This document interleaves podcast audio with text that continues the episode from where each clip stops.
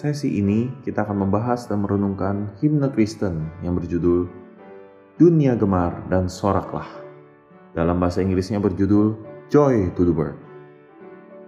Himne ini terinspirasi dari Mazmur 98, khususnya ayat 4 sampai dengan 9. Meskipun himne ini pada dasarnya merupakan pujian sukacita mengenai perlindungan Allah atas umat pilihannya, dan merupakan antisipasi eskatologis ketika ia datang sebagai raja dan hakim atas alam semesta, Isaac Watts memaksudkan himne ini sebagai ekspresi pujian perjanjian baru.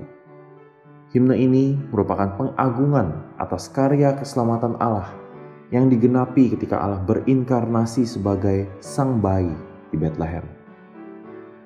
Ini merupakan pengenapan dari kejadian 3 ayat 15 dan banyak nubuat-nubuat dalam perjanjian lama.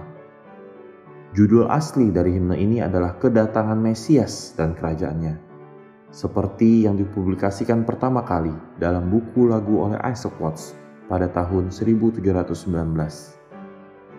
Melodinya digubah oleh Lowell Mason, di mana beberapa bagian dari melodi himne ini menggunakan gubahan George Frederick Handel, yaitu dari lagunya yang berjudul Lift Up Your Heads dan Comfort Ye dalam oratorium Messiah yang ditampilkan pertama kali dalam tahun 1742.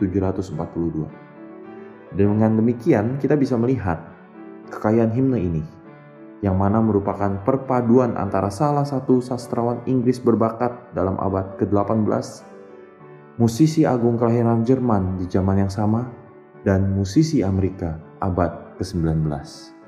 Soli Deo Gloria.